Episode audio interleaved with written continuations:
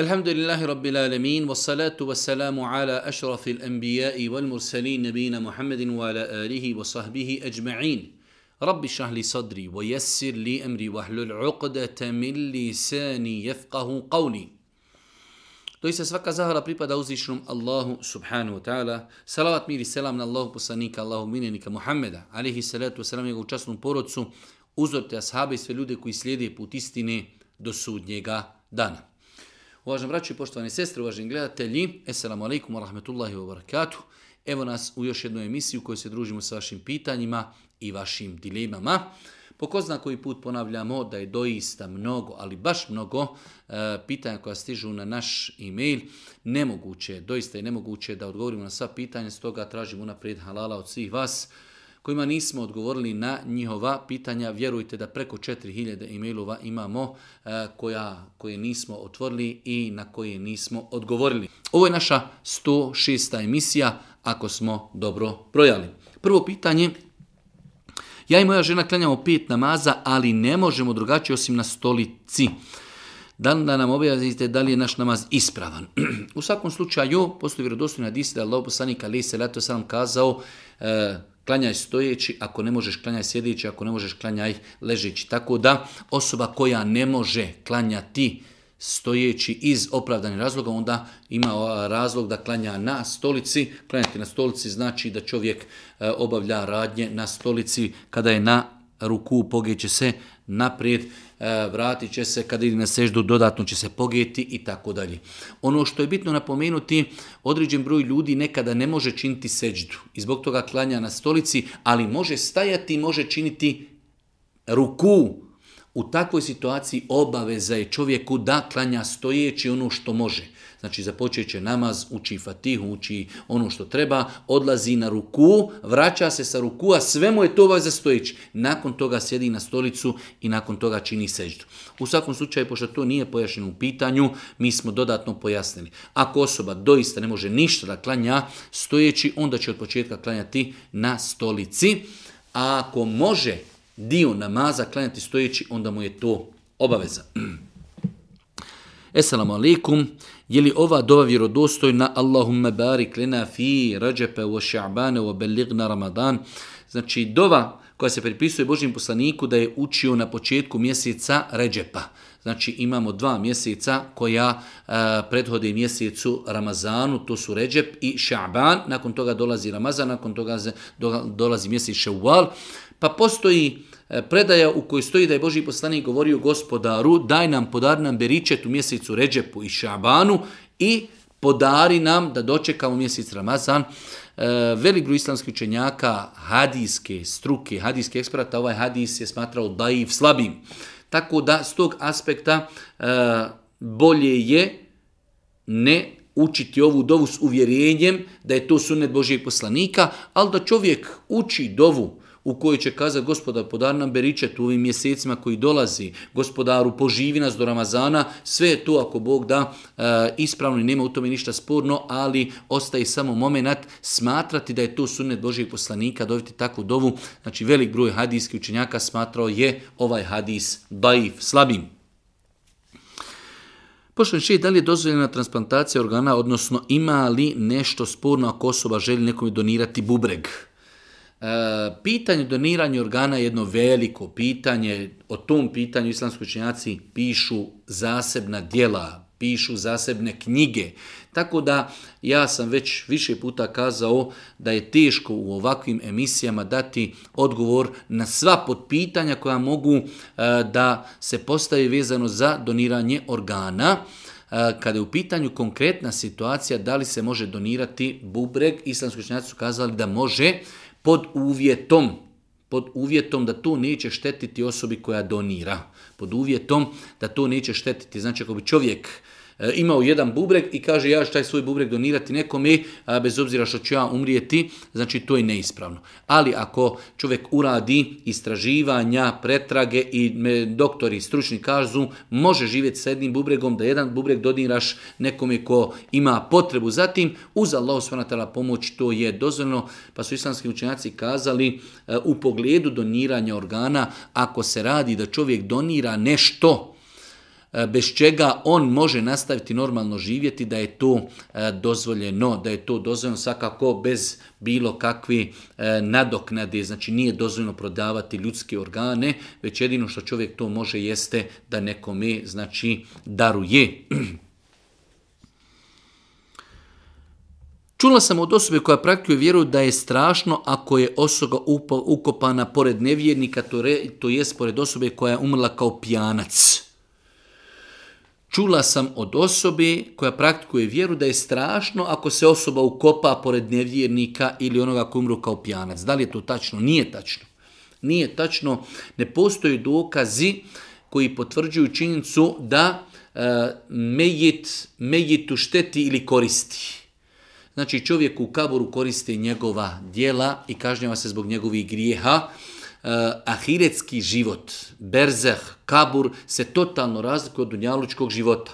Mi možemo nakon dan, dva doći čovjeka otkopati, vidimo njegovo tijelo, a on možda u tom momentu uživa u svome kaburu, njegov kabur se je proširio, kao što je došlo u vjerodostojnim hadisima, uh, široke, znači, uh, proširjen je i gleda u džennet za razliku od osobe koju možemo otkopati i vidjeti njeno tijelo. Mi ne primjećujemo ništa, a on u tom momentu se kažnjava, njegov kabur je tjesan do te mjere da mu kosti jedna kroz drugu prolazi. Tako da eh, ahiretski eh, život i kaburski život Berzah ne treba promatati kroz prizmu dunjalučkog života. Tako da e, ukopa se čovjek, do njega može biti ukopan najpobožniji čovjek, to njemu ništa ne koristi niti e, obrnuto da se pobožan čovjek ukopa pored najvećeg nevjernika na planeti, to njemu ništa ne smeta.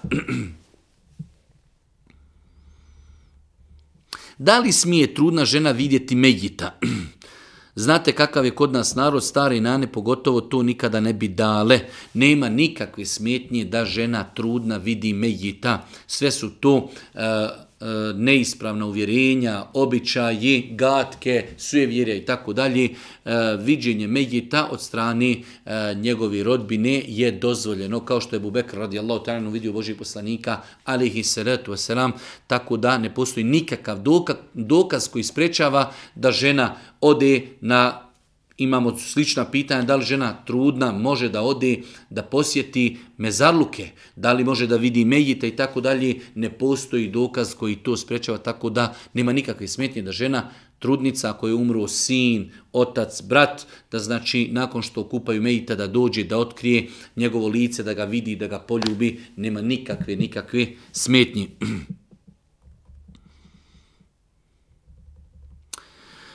Zanima me da li je obaveza spasti čovjeka koji se guši u vodi, dok smo mi u situaciji da ga spasimo, ne postoji drugi način da se osoba spasi, a mi ne znamo plivati. E, islamski učenjaci u knjigama Fikha su tretirali baš ovo pitanje, da li je čovjek obaveza da spasi nekoga ko se tuši, pa su kazali da je obaveza da čovjek pomogni onome ko se tuši pod uvjetom da on zna plivati pod uvjetom da to neće njemu štetiti.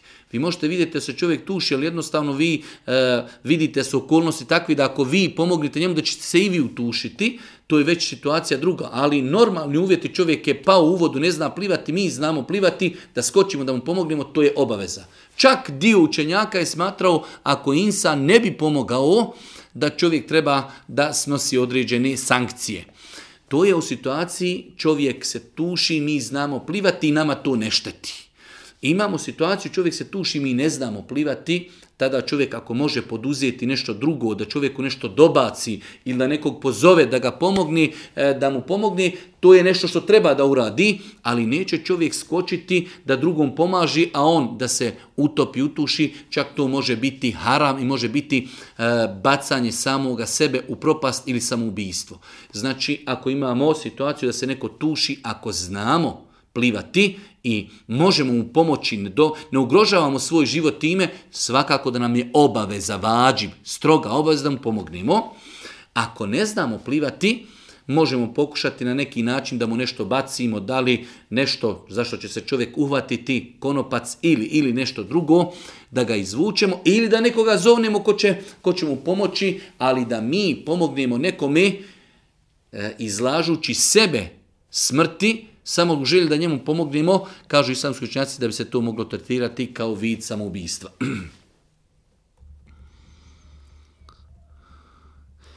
Da li je vjerodostojan hadis e, dovi ulaska u pijacu? Imamo znači hadis da je Allah poslanik ali se leto selam kazao ko uđe u pijacu i kaže La ilaha illa Allah wahdehu la šerike leh. له الملك وله الحمد يحيي ويميت وهو حي لا يموت بيده الخير وهو على كل شيء قدير znači dova koja nije mnogo duga prenosi se u hadisima da je poslanik rekao ko rekne ovu dovu لا إله إلا الله وحده لا شريك له له الملك وله الحمد يحيي ويميت وهو حي لا يموت بيده الخير وهو على كل شيء قدير korekni ovu dovu prilikom ulaska u pijacu, kako ga nagrada čeka. Biće mu upisano elf, elf hasene, milion dobrih dijela, Biće mu pobrisano elf, elf seije. Biće mu oprošteno milion pogrešaka i grijeha i kaže u obunje lehu u bejten, وَبَنَا لَهُ بَيْتًا فِي الْجَنَّةِ I bit, Allah će mu sagrati kuću u džennetu. U pogledu ovog hadisa postoji jako razilažen kod islamskih učenjaka. Velik dio učenjaka je smatra ovaj hadis taif, ali dio učenjaka treba istinu kazati je smatra ovaj hadis hasen, dobrim, od kojih je i šeh Albani, rahmetullahi alihi. Tako da, insan, ako bi radiju smatrići da je ovaj hadis Hasen dobar, inšala biznila, nadamo se, nadamo se velikom hajru i dobru za njega. Naime, zanima me da li zekijat mogu davati cijelu godinu pomalo i da li moram reći osobi koje dajem novac da je to zekijat. Jedno malo duže pitanje, u svakom slučaju dva pitanja. E, da li možemo, ako je naš zekijat pregodinio prvog šestog, rećemo prvog šestog, da li mi to možemo izdvajati tokom godine? Evo imamo hiljadu maraka, dvije, pet, da izdvojimo na ime zekijata. Moramo li to izdvojiti odma ili možemo tokom godine kada vidimo negdje priliku da mi izdvojimo svoj zekijat? E, velik broj islamskućenjaka smatrao je da se zekijat mora izdvojiti feuran, odmah onog momenta kada čovjeku imetak dostigne nisab i kada pregodini dočeka ovoj godinu dana, čovjek treba se potrudi u što kraćim roku da izdvoji svoj zekat. I ja sam tog stava, tako da je neispravno da čovjek ima prim radi 1000 i po 2 3 hiljade maraka zekijata i on to tokom cijele godine dijeli tamo gdje misli da je potrebno. Ne, ispravnije i bolje da čovjek oduži svoju obavezu prema gospodaru. Ako imamo nisab, pregodinio nam je i metak, dok nam pregodini metak treba da tražimo mjesto gdje ćemo da damo svoj zekijat. Da li moramo osobi koju dajemo zekijat kazati da je to zekijat, kažu islamski učenjaci, shodno osobi. Ako je to osoba za koju sigurno znamo da prima zekijat i da je potrebna, onda nema potrebi. Znači, dovoljno da joj dadnemo i da šutimo. Ali ako je to osoba za koju nismo sigurni, onda treba da kažemo, tako su rekli islamski učenjaci, Allah te nagradio, ovo je zekijat jesi li ti od kategorija koji potpadaju pod zekijat ili ne. Ako čovjek kaže jesam, potpadam pod kategoriju zekijata, onda ćemo mu dati. Ako čovjek kaže nisam, ne ispunjavam uvjete, onda nećemo dati, tražit ćemo nekoga drugog. To je znači pojašnjenje u pogledu osobe koje dajemo zekija, da li ju moramo kazati ili ne, znači ako je u pitanju osoba za koju sigurno znamo da prima zekijat i svi joj donose i ona uzima i upotrebi je, onda joj možemo dati zekat te joj ništa ne govorimo, za razliku od osobe za koju ne znamo da li potpada pod kategoriju i da li uzima zekat, takvoj osobi nema ništa u tome sporno šarijetska, kažemo Allah te nagradio, ovaj novac je zekat. Ako misliš da si zekata, bujrum, ako nisi, da ćemo nekom drugom. Može li se na ruku i seždi dodati nastavak u Ebi Hamdihi? E, znači imamo zikrove koji se uče na, e, s, na ruku i na seži Subhan Rabijel E'la, Subhan Rabijel Azim, da li se može još dodati vobi hamdihi, Subhan Rabijel Azim, vobi hamdihi. Može li se to dodati? E, znači postoji razilaženje kod učenjaka da li je vjerodostojan hadis u kojem se dodaje ova riječ. Dio učenjaka je smatrao da ova riječ je vjerodostojan hadis, da nije šadz nije šaz, već je to vjerodostan hadis. U svakom slučaju, e, pošto je e, ruku i sežda mjesto gdje čovjek može veličati Allaha dodatno i učiti dove, nema smetnje, e, bez obzira da li ova predaja gdje se dodaje u obihamdihi bila vjerodostajna ili ne, mi možemo e, koristiti ovu predaju zbog općenitih argumenata da veličamo Allah te barek taala na ruku i na sejdi i da dodamo ovu znači riječ wa bihamdihi nema ko bog da tu ništa sporno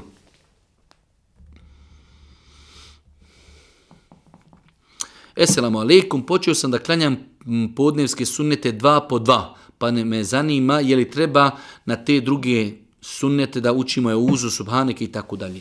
E, ovo što je čovjek uradio je dobro i pohvalno da čovjek kada klanja i dnevnu i noćnu na filu da i klanja dva pa preda selam, pa opet klanja dva pa preda selam.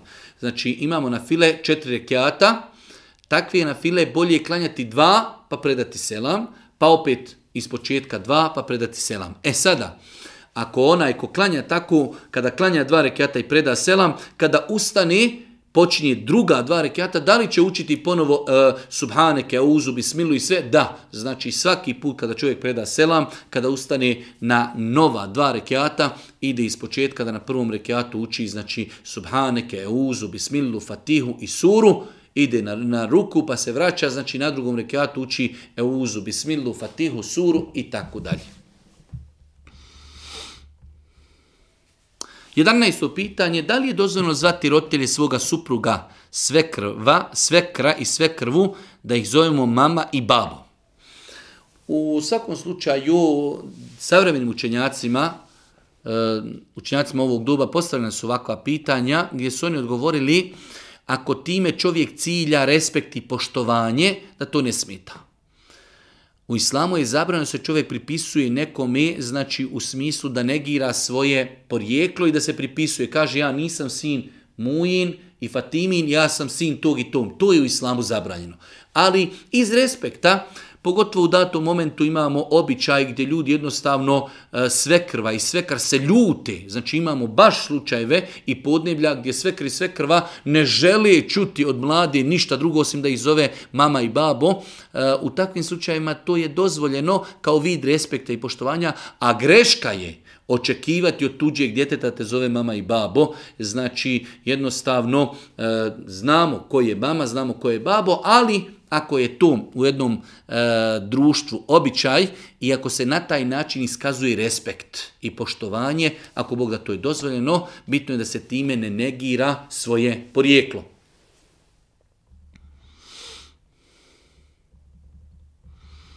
Imamo jedno malo duže pitanje a, koje rezime pitanja.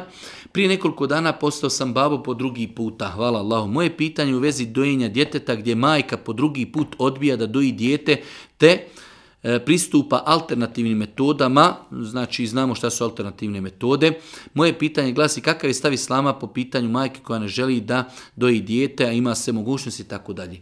U svakom slučaju, prva stvar majke treba da znaju, da je majčino mlijeko mnogo, ali mnogo, ali mnogo zdravije nego e, znači e, vještačko bilo kakvo proizvedeno mlijeko. Nemoguće je proizvjeti nešto e, da odgovara i da bude ekvivalentno onome što je gospodar zemlje i nebesa stvorio za to dijete u mlijeku njegove majke. Prva stvar, znači, s aspekta medicinskog, znači, dojenje na prirodan način je mnogo, mnogo zdravije. Druga stvar, Ako muž insistira od svoje žene, žena bi trebala se pokoni mužu bez obzira zato što on od nje traži dozvoljeni halal stvar.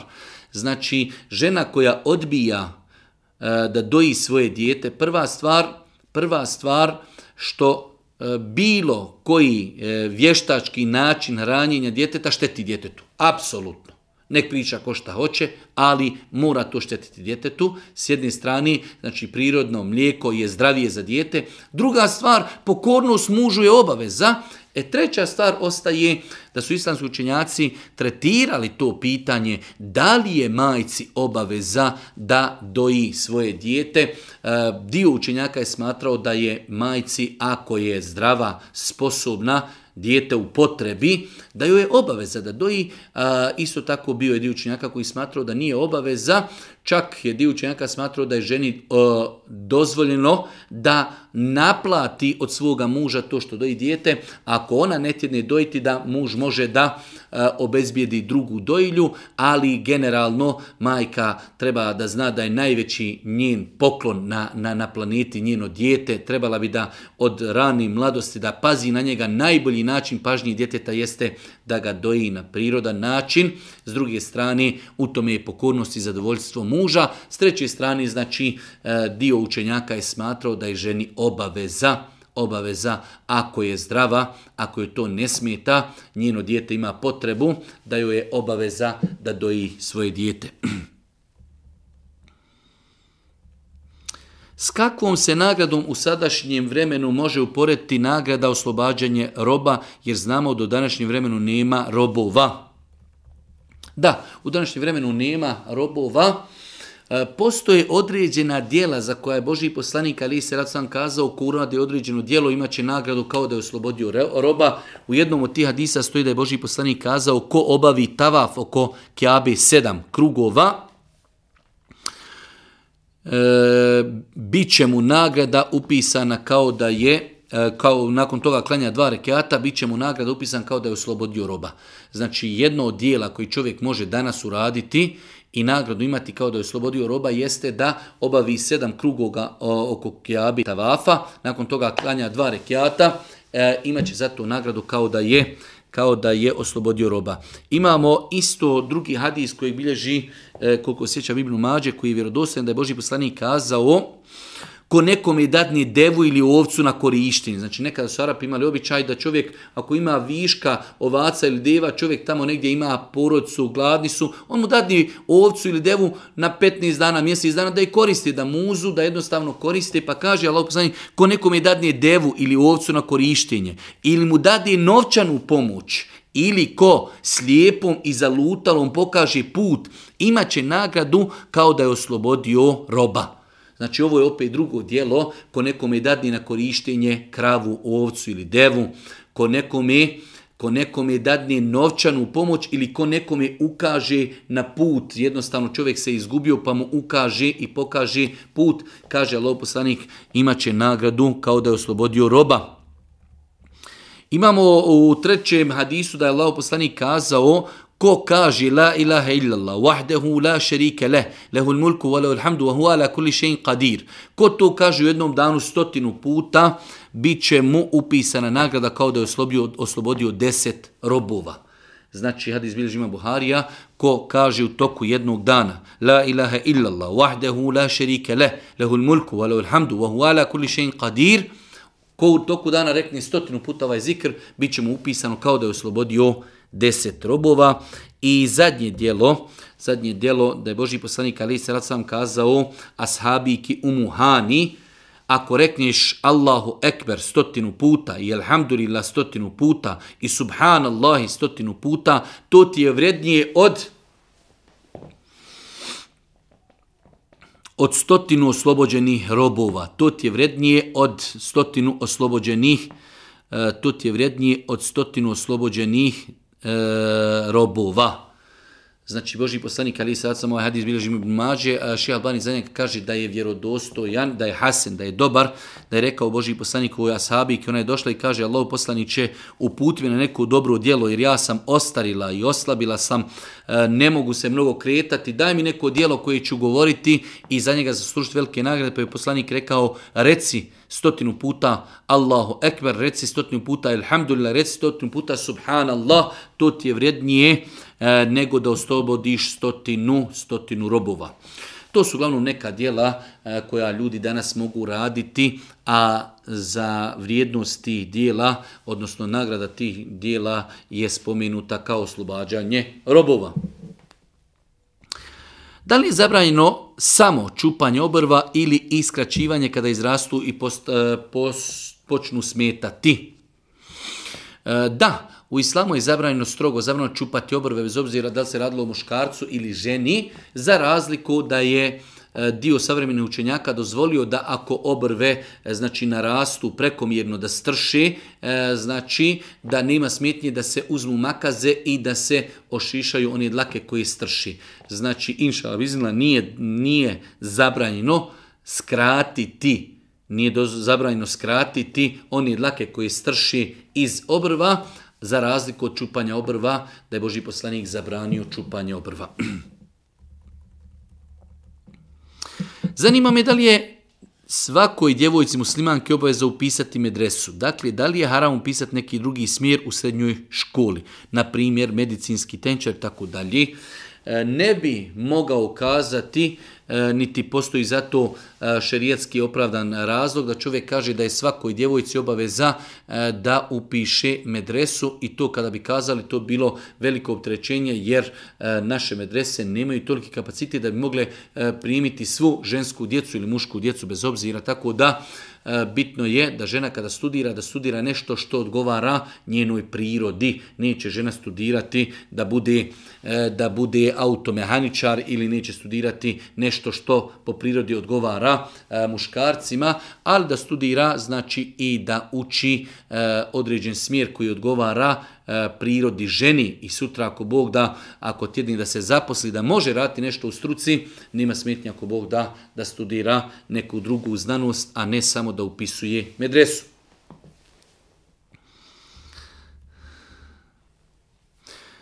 Zanima me da li moj mezar može da bude u gradu gdje živim ili mora da je mjesto odakle potiče moje prezime. Znači, da li čovjek može da se ukopa gdje živi ili treba da uh, bude ukopan tamo odakle je njegovo prezime. Osnova je da je pohvalno i lijepo da se čovjek ukopaje uh, u mjestu gdje je živio. To je osnova. Znači čovjek živio ne znam nija gdje, u tom gradu u kojem si živio i tu si svoj život proveo, tu treba da se čovjek i tu umro, tu čovjek treba da bude ukopan, iako e, znači dio učenjaka je smatrao dozvoljenim da čovjek uh, Ako je, kao što danas imate velik broj ljudi koji su otišli e, trbuhom za kruhom negdje na zapad, e, jednostavno neko odšao privremeno, neko ne, ali ljudi imaju želju da se jednostavno njihova tijela ukopaju u mjesta gdje su rođeni, ako Bog da to nije zabrajno. Ali je osnova, znači osnova da čovjek treba da bude ukopan ondje gdje je umru.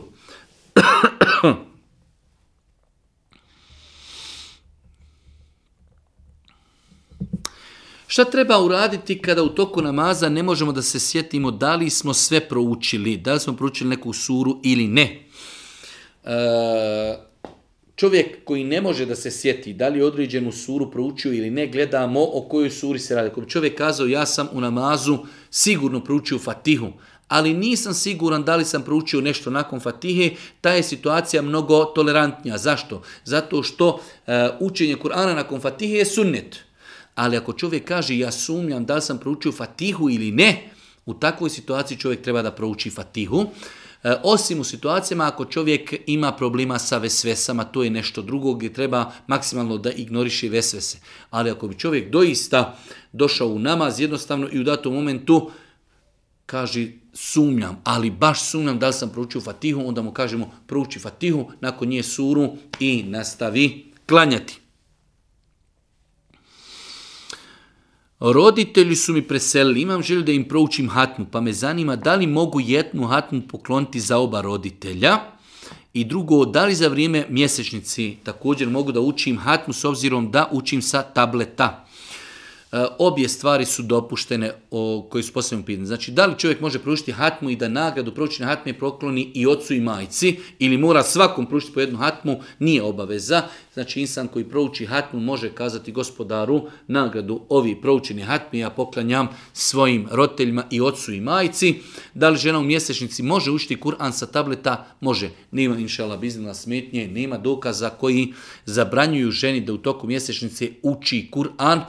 E, ono što može biti spurno jeste doticanje mushafa, ali samo učenje Kur'ana ako Bog da, ako je smobitela laptopa ili iPada ili tableta, ako Bog da, nije spurno.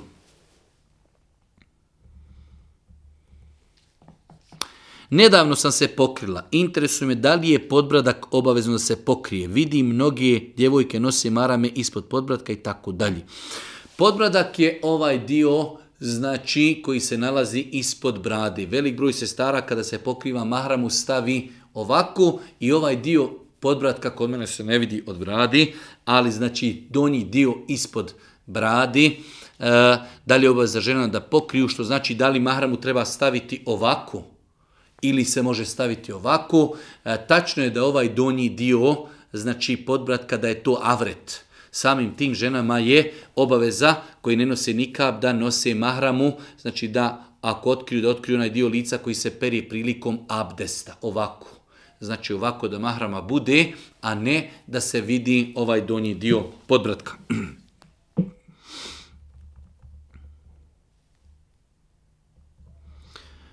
Jedno malo duže pitanje, majka sam dječaka koji za par dana puni dvije godine, doji još uvijek, znam za propis i tako dalje. U svakom slučaju, da li je dozvoljeno ženi da nastavi dojiti dijete i nakon dvije godine?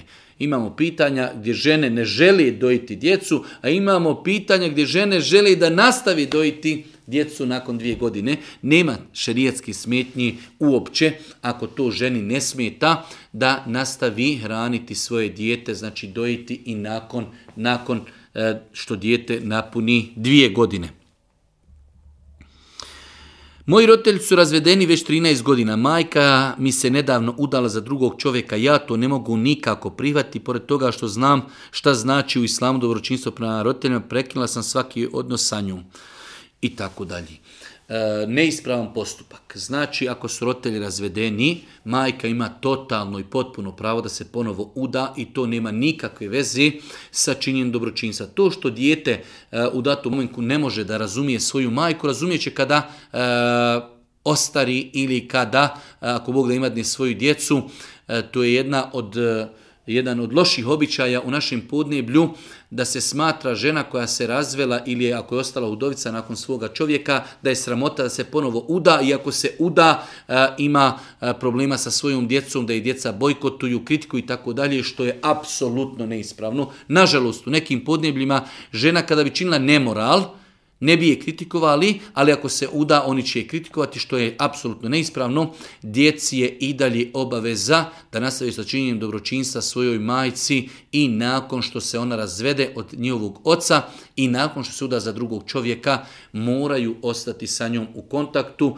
i činiti dobročinstvo majci. Šta je rješenje ovdje? Stupiti ponovno u kontakt sa majkom i nastaviti činiti dobročinstvo. Hvala. Da li se čovjek može navići na džehennemsku vatru?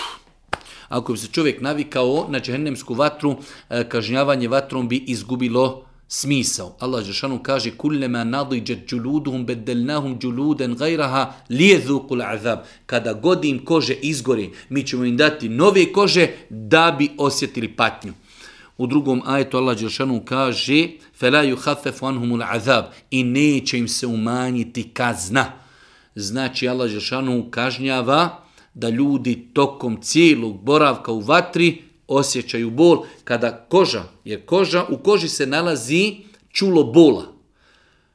Pa je to na kraju krajeva i danas jedno veliko medicinsko otkriće da Allah Đelšanhu pri 1600 godina objavljaju Božijem poslaniku Muhammedu alaih sallam da ljudi koji budu u džehennemu, kada se budu kažnjavali, kada im koža izgori, samim tim izgorilo je čulo bola, Allah Žešan kaže, mi ću mi dati nove kože. Zašto? Da bi ponovo mogli osjetiti bol. Tako da, ako bi se čovjek mogao priviknuti na džehennemsko kažnjavanje, kažnjavanje više ne bi imalo svrhu. Da li zviždanje doziva ili izaziva šeitane?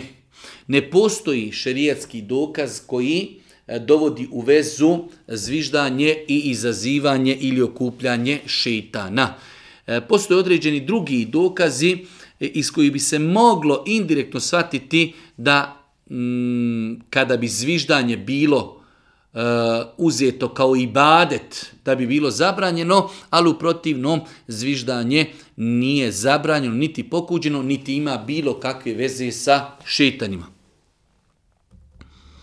25. pitanje, kada se na primjeru suri e, El Fatiha kaže tebe, Allaha, gospodara svjetova, hvalimo. Da li se pod svjetovima misli na biljni svijet, životinski i tako dalje?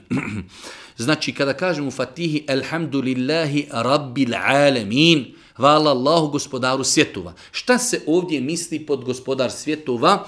Kažu islamski učenjaci kratko i jasno. Misli se sve mimo Allaha. Sve mimo Allaha su svjetovi. Sve mimo Allaha je stvoreno, pa kažu svijet ljudi, svijet džina, svijet meleka, svijet nebesa, svijet zemlje i tako dalje. Sve su to zasebni svjetovi, pa je Allah gospodar svih svjetova, odnosno Allah je stvoritelj svega, pa sve mimo njega je svijet, sve mimo njega je stvoreno, on je stvoritelj svega i on je gospodar svega.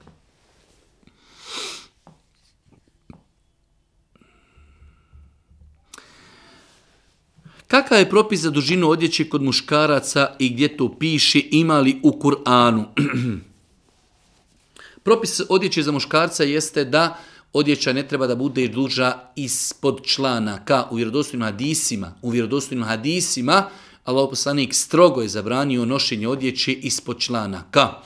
Greška je kazati ima li to da negdje piše u Kur'anu. Kur'an nije jedini izvor Islama. Sunnet Božijeg poslanika ali se letu selam je jednako izvor islama kao što je i Kur'an. Da ne govorimo o analogiji, o analogiji, da ne govorimo o konsensusu islamskih učenjaka, tako da neispravno je kada postavljaju nekom pitanja kazati ima li to negdje u Kur'anu. Nije mi poznato da Kur'an tretira dužinu čovjekove odjeće, ali to nikako ne negira propis koji Hadisi, vjerodostojni hadisi Božih poslanika ukazuju da je čovjeku muškarcu zabranjeno nositi odjeću ispod članaka. Muž mi je nasilan, ne izvršava svoje osnovne osnove islamske obaveze prema poroci, ne pomaži ni najmanji tako dalje. Najgori je u Ramazanu kada posti i život s njim je nemoguć, a klanja svaki namaz, zikri, uči, kur'an i tako dalje. Pitanje je koji je sa, vaš savjet? da li je učenje ruke dovoljno ili ipak treba potražiti pomoć psihologa. U svakom slučaju, osoba koja ima zdravstveni problema, mi smo više puta govorili, treba tražiti lijeka na dvije strane, treba tražiti lijeka putem učenja ruke, ali isto tako to nikako ne isključuje odlazak kod e, doktora iz date znači znanosti i struke, otići kod psihologa, kod psihijatra, na savjetovanje i tako dalje, to uopće nije nikakva sramota. Znači to su nauke, to su stvari e, koje su izučene, nude čovjeku rješenje za mnoge njegove probleme i terapije i razgovori i savjeti i konsultovanje, znači ne isključuje jedno drugo e, ljudi koji imaju ovakvih i sličnih problema, e, E, znači trebaju da traže lijeka i u učenju Kur'ana rukjom, a isto tako i traženju lijeka u medicini. Da li je griješ čitati Kur'an s prijevodom i da li sam griješna kod dragog Allaha ako samo klanjam sabah, akšam i jaciju radi posla jer sam u radnom odnosu? E, čitati prijevod Kur'ana nikada nisam čuo da je neko kazao da je grijeh. Znači, nije grijeh čitati prijevod Kur'ana, čak što više, e, čitati prijevod Kur'ana je ibadet sa kojeg će čovjek biti nagrađen, jer prijevod Kur'ana, najbolje što bi za njega mogli kazati, jeste da je to družen sa Kur'anom, tefsirom Kur'ana, jer prijevod Kur'ana je u jednu ruku tefsir Kur'ana, čitati tefsir je ibadet. Tako da e, žene, muškarci mogu čitati Kur'an, prijevod Kur'ana bez abdesta, bez ikakve posebne procedure i to je ibadet. Ibadet. E, da li je žena griješna što ne klanja podne i kindiju? Apsolutno da. Znači, ona čini dobro djelo što klanja sabah, akšam, jaciju, ali je griješna zbog propuštanja podne i kindije, pogotovo znajući hadise Božeg poslanika da je kazao onaj ko propusti kindiju namaz, propala su mu sva dobra djela. Čovjek vjernik treba da traga za poslom gdje će moći obavljati namaz i treba da se izbori i trudi na svom poslu da... E, znači određene pauze iskoristi 5, 7 do 10 minuta da klanja farze bez obzira gdje na poslu bio.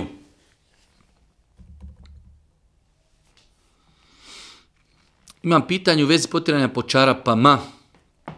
Ako uzmem abdest ujutro kada krenim na posao, i obučem čarape, zatim obujem patike i dođem na posao pod abdestom, zatim skinem patike i obučem radni cipele. Da li mogu potrati po radnim cipelama? Znači čovjek je krenuo na posao, uzeo je abdest i obukao čarape. Obukao patike, došao na posao, još je pod abdestom. Ovo je najbitnija klauzula, još je pod abdestom, skine patike i obuče radni cipele, Da li kada bude abdestio može potirati po tim radnim cipelama? Može. Ako te cipele su znači dovoljno duboke da pokrivaju e, dio e, čl, do članaka, može se po njima potirati. Zašto? Zato što ih je obukao još dok je bio pod prvim abdestom. Tako da znači u ovakvim situacijama čovjek sve dok je još pod prvim abdestom može skinuti čarape, obući druge čarape, skinuti cipele, obući druge cipele, sve dok je pod prvim abdestom, on može skidati čarepa, čarape i e, cipele, e, ako cipele znači dolazi do članaka e, i do iznad članaka, dozvoljno ako Bog da zbog poteškoće potirati po takvim cipelama. Ima malu bebu od 8 mjeseci tokom intimnog odnosa ponekada počinje plakati, ali smo čuli da se dijete ne smije dirati dok smo džunup. Zanimam da li je to istina, apsolutno neistina. Nije, znači, zabranjeno ženi, majici da dotakne svoje dijete, bez obzira bila u intimnom kontaktu ili ne, znači u, ha, u stanju džunupluka. Žena u stanju džunupluka može se poselamiti, pozdraviti, skuhati hranu, dodirnuti neko, dodirnuti odjeću. Nije nečista fizički, ona je nečista pravno, ne može klanjati namaz, ali je njeno tijelo čisto. Može dotakiti svoje dijete, može ga nahraniti, može ga presvući, može skuhati hranu, hljeb, pitu, sve živo. Zašto? Zato što je čista. Ne postoji nikakav dokaz na osnovu kojeg možemo shvatiti da tijelo, džunu posuve mušarca ili žene je nečisto. Pošto se bavim sportom, u pitanju košarka imam utakmice za vrijeme podnje namaza. Da li mi je grijeh ako ne stignem klanjam podnje u određenom vremenu? E, osoba koja se bavi sportom treba da uskladi svoje sportske obaveze prema namazima. E, utakmice maksimalno mogu trajati sat, sat i po, znači ili će čovjek klanjati namaz prije nastupanja na utakmicu ili dok završi utakmica će klanjati namaz. Ako je mu safir, onda ima pravo, znači ako putuje na utakmicu dalje od 80 km, onda ima pravo da namaze spoji i da iskrati, tako da podne i kindiju može spojiti i iskratiti. Ako nije musafir, onda ili će klanjati namaz prije utakmice ili ako je znači utakmica počela na početku namaskog vremena, kada završi utakmica ili u nekim među pauzama, će klanjati namaz, ali se namaz mora klanjati u namaskom vremenu. Posljednje pitanje je Radim na baušteli i obavljam namaz, redovno, hvala Allahu. Hladni su dani pa me zanima da li je ispravan abdest ako samo potirim preko običnih čarapa. E, dozvoljno je potirati po čarapama ako se čarape obuku po, znači dok je čovjek pod abdestom. Znači čovjek koji krenuo na posao treba da abdesti i da obuče čarape kada dođe na posao, kada bude abdestio, znači kada dođe do momenta pranja nogu, dovoljno da mokrim rukama samo potari po čarapama, iako Bog da njegov abdest je validan. Potiranje po čarapama je mjestama jedna velika, velika olakšica za ljude koji rade, za žene koji su na poslu, u prosveti i bilo gdje drugo. Potiranje po čarapama je jedna velika, velika olakšica. Allah subhanahu wa ta'ala molimo da nam podari koristan za nje, da nam olakša prakticiranje vjeri i na kraju subhaneke, Allahumma bi hamdike, šedu in la ilan stakviruke, wa etubu ilik. Oh.